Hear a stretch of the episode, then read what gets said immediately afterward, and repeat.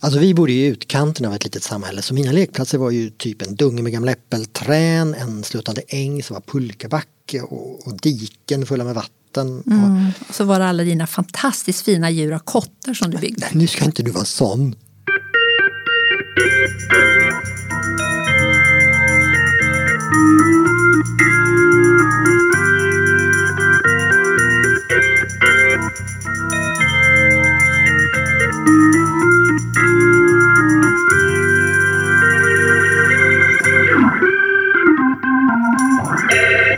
Välkommen till en kvart om Göteborg, Göteborgs stadsmuseums alldeles egna podd. Jag heter Ylva. Och jag heter Håkan. Och idag tänkte vi faktiskt prata om lekplatser igen. Ja, vi har ju pratat lite om barn i stan förut men, men det känns lite som att det här ämnet är inte uttömt. Eh, Och jag hade ju som sagt, jag hade ju inga lekplatser, eller inga jag använde i alla fall. De kanske inte hade uppfunnits. Nu är det här 70-tal, nej 1970-tal. Ja, Jag sa ingenting. Men vi kan ju prata lekplatser även om du inte hade någon. Jo, men ärligt talat är inte lekplatser väldigt 1900-tal? Är det några barn som leker på lekplatser nu för tiden? Ja, men Trädgårdsföreningen en lördag i maj. Alltså det finns garanterat ett klätterställningsspel på iPaden. Mm, det gör det nog. Men låt mig då att slå ett slag för en fantastisk uppfinning. Okej, Vad är det som gör dataspel så beroendeframkallande? mycket färger och roliga ljud. Att du vinner! Okej, Ett bra spel är ju gjort så att du hela tiden vinner på ett eller annat sätt. Det kanske från början, du kanske får börja om några gånger, men du kommer att vinna och då sprutar det ju färgglada stjärnor över skärmen. Och spela ett barnspel är en oavbruten kavalkad av belöningar. Det blir oupphörlig utsöndring av lyckohormonen, vad den nu heter. endorfin, dopamin, paraffin. Ja, mm, jag tror det, säger vi. Eh, men hur överför vi det här till IRL? Ja. Och motiverar barnen till fysisk träning dessutom? Det här är din uppfinning. Svaret är rutschkana. Ja, men det var kanske inte så nytänkande. Ja, men tänk så här. Först måste du klättra upp för en hög, jobbig stege. Sen kommer belöningen. Oi! Kill i magen, full fart, flyger ut, endorfinerna sprutar. Och så en gång till. Ett barn kan ju hålla på att åka rutschkana i ja, en timme minst. Och då har de ju ägnat sig åt klätterträning motsvarande ett bootcamp.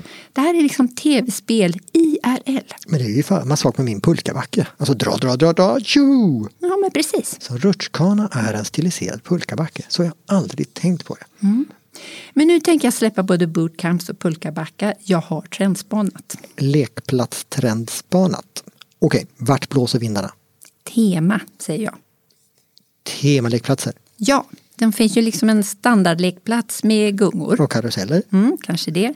Men gungställning och sandlåda som ett slags basutbud. Och sen kommer klätterställning. Rutschkanan, Och kanske någon snurrgrej. gungbräda. Den är Lite farlig. Ja, kanske inte så vanligt nu för tiden. Mm. Men nu byggs det ju lekplatser där det är teman. Vi har militärtema i Kviberg, vi har utflyktslekplatsen i Jubileumsparken i Frihamnen som är framtagen i samarbete med både konstnärer och arkitekter. Och det är ljudskulpturer och vattenlek och Ambitiöst. ja, men visst är det. Och så vid Näckrosdammen så hittar du ju Regn. Regnlekplatsen, precis. Det är ju också ett jubileumsprojekt inom jubileumssatsningen Rain Gothenburg. Världens bästa stad när det regnar. Den är också framtagen med hjälp av konstnärer och den ska ju vara extra kul då när regnet bara rö- öser ner. Så vinden blåser mot teman och konstnärer.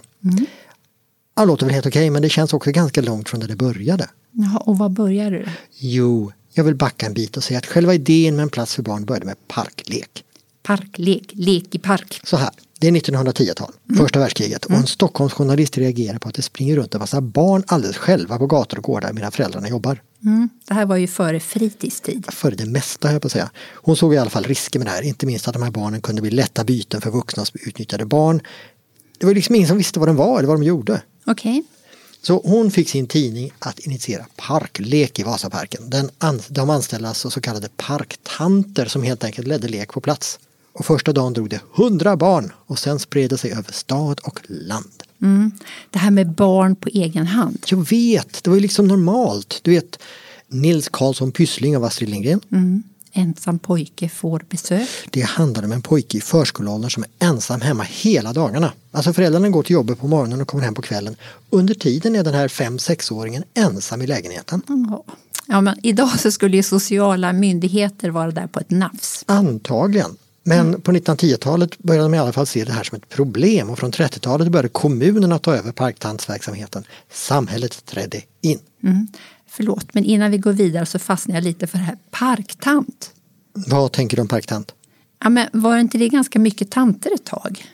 Mm, Jo, parktant, flårtant, städtant. Bambatant och lektant. Vet du vad det är? Ja, Utsikt över skogen och en lekplats. Gräset lyser grönt, en lektant vaktar barnen. Det är skönt.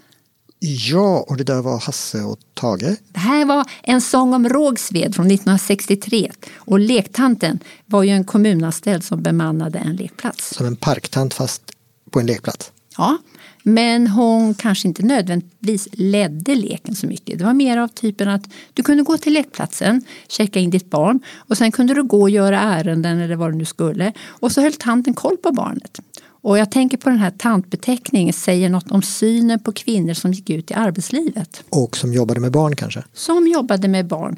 För märkligt nog så finns, fick ju inte skolvaktmästaren heta fixarfarbror. Det, det är väldigt märkligt. Men lektanten var alltså på lekplatsen och lekplatsen är ju en annan historia.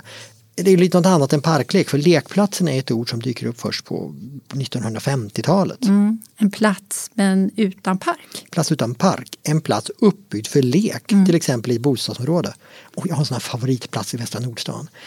Den är så andra halvan av 1900-talet i koncentrat. Det är en lekplats framför ingången till ett skyddsrum. Mm. Så om kriget kommer då behöver barnen inte gå så långt. Precis. Nej, men alltså, världskriget, andra världskriget var ju bombkrig från blitzen till atombomben. Så efter det så byggdes det ju massor av skyddsrum i svenska städer. Där skulle i princip alla få plats och kunna gömma sig. Och samtidigt kommer den nya idén om barn och stad. Eh, Nu kommer de liksom på rad här. Lekpark, lekplats, lekskola, förskola, fritidsgård. Samhället börjar engagera sig i barnens fritid och vardag och uppväxt. Det var barnens århundrade. Ja, men tänker jag, det kanske inte bara är förändrad syn på barn som ligger bakom just lekplatsens frammarsch. Det kan vara lite pull och push. Pull och push. Ja, och lite pull och push. Och pull är då. Ja, men det är synen på barnen då. Jaha, och, och, så vad är push då?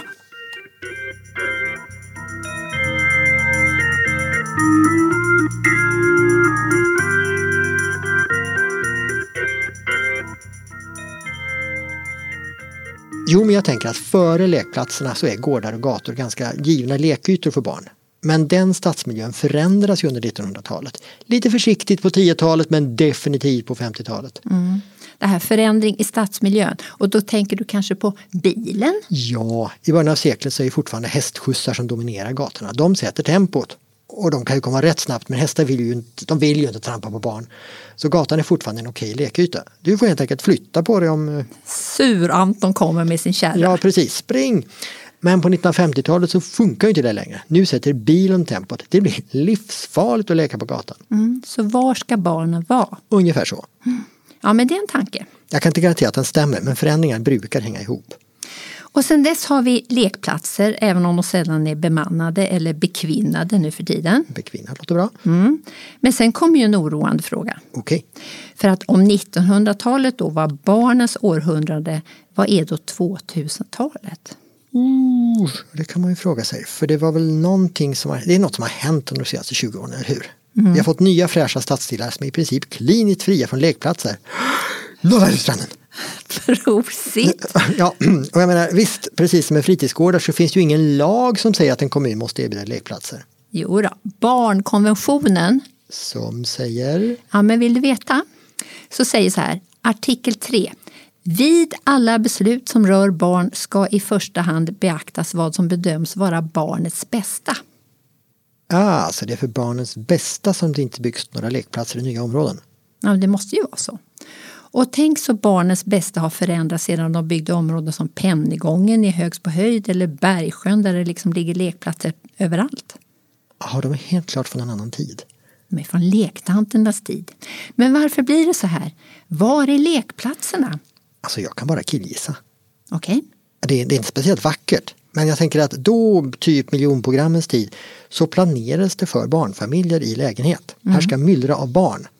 Men nu verkar det vara en annan idé som gäller. Det är den här bostadskarriärsgrejen. Först ska du bo hemma tills du är 22, sen ska du träffa någon och så köper ni en svindyr bostadsrätt tillsammans.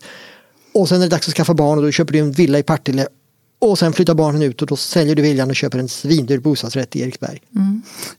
Du menar att de som planerar, de tänker helt enkelt inte att det ska finnas barn i centrala stan? Nej, barn ska hoppa studsmatta i en trädgård i en kranskommun.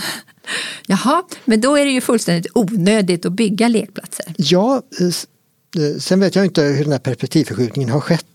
Men då kanske jag får tjejgissa.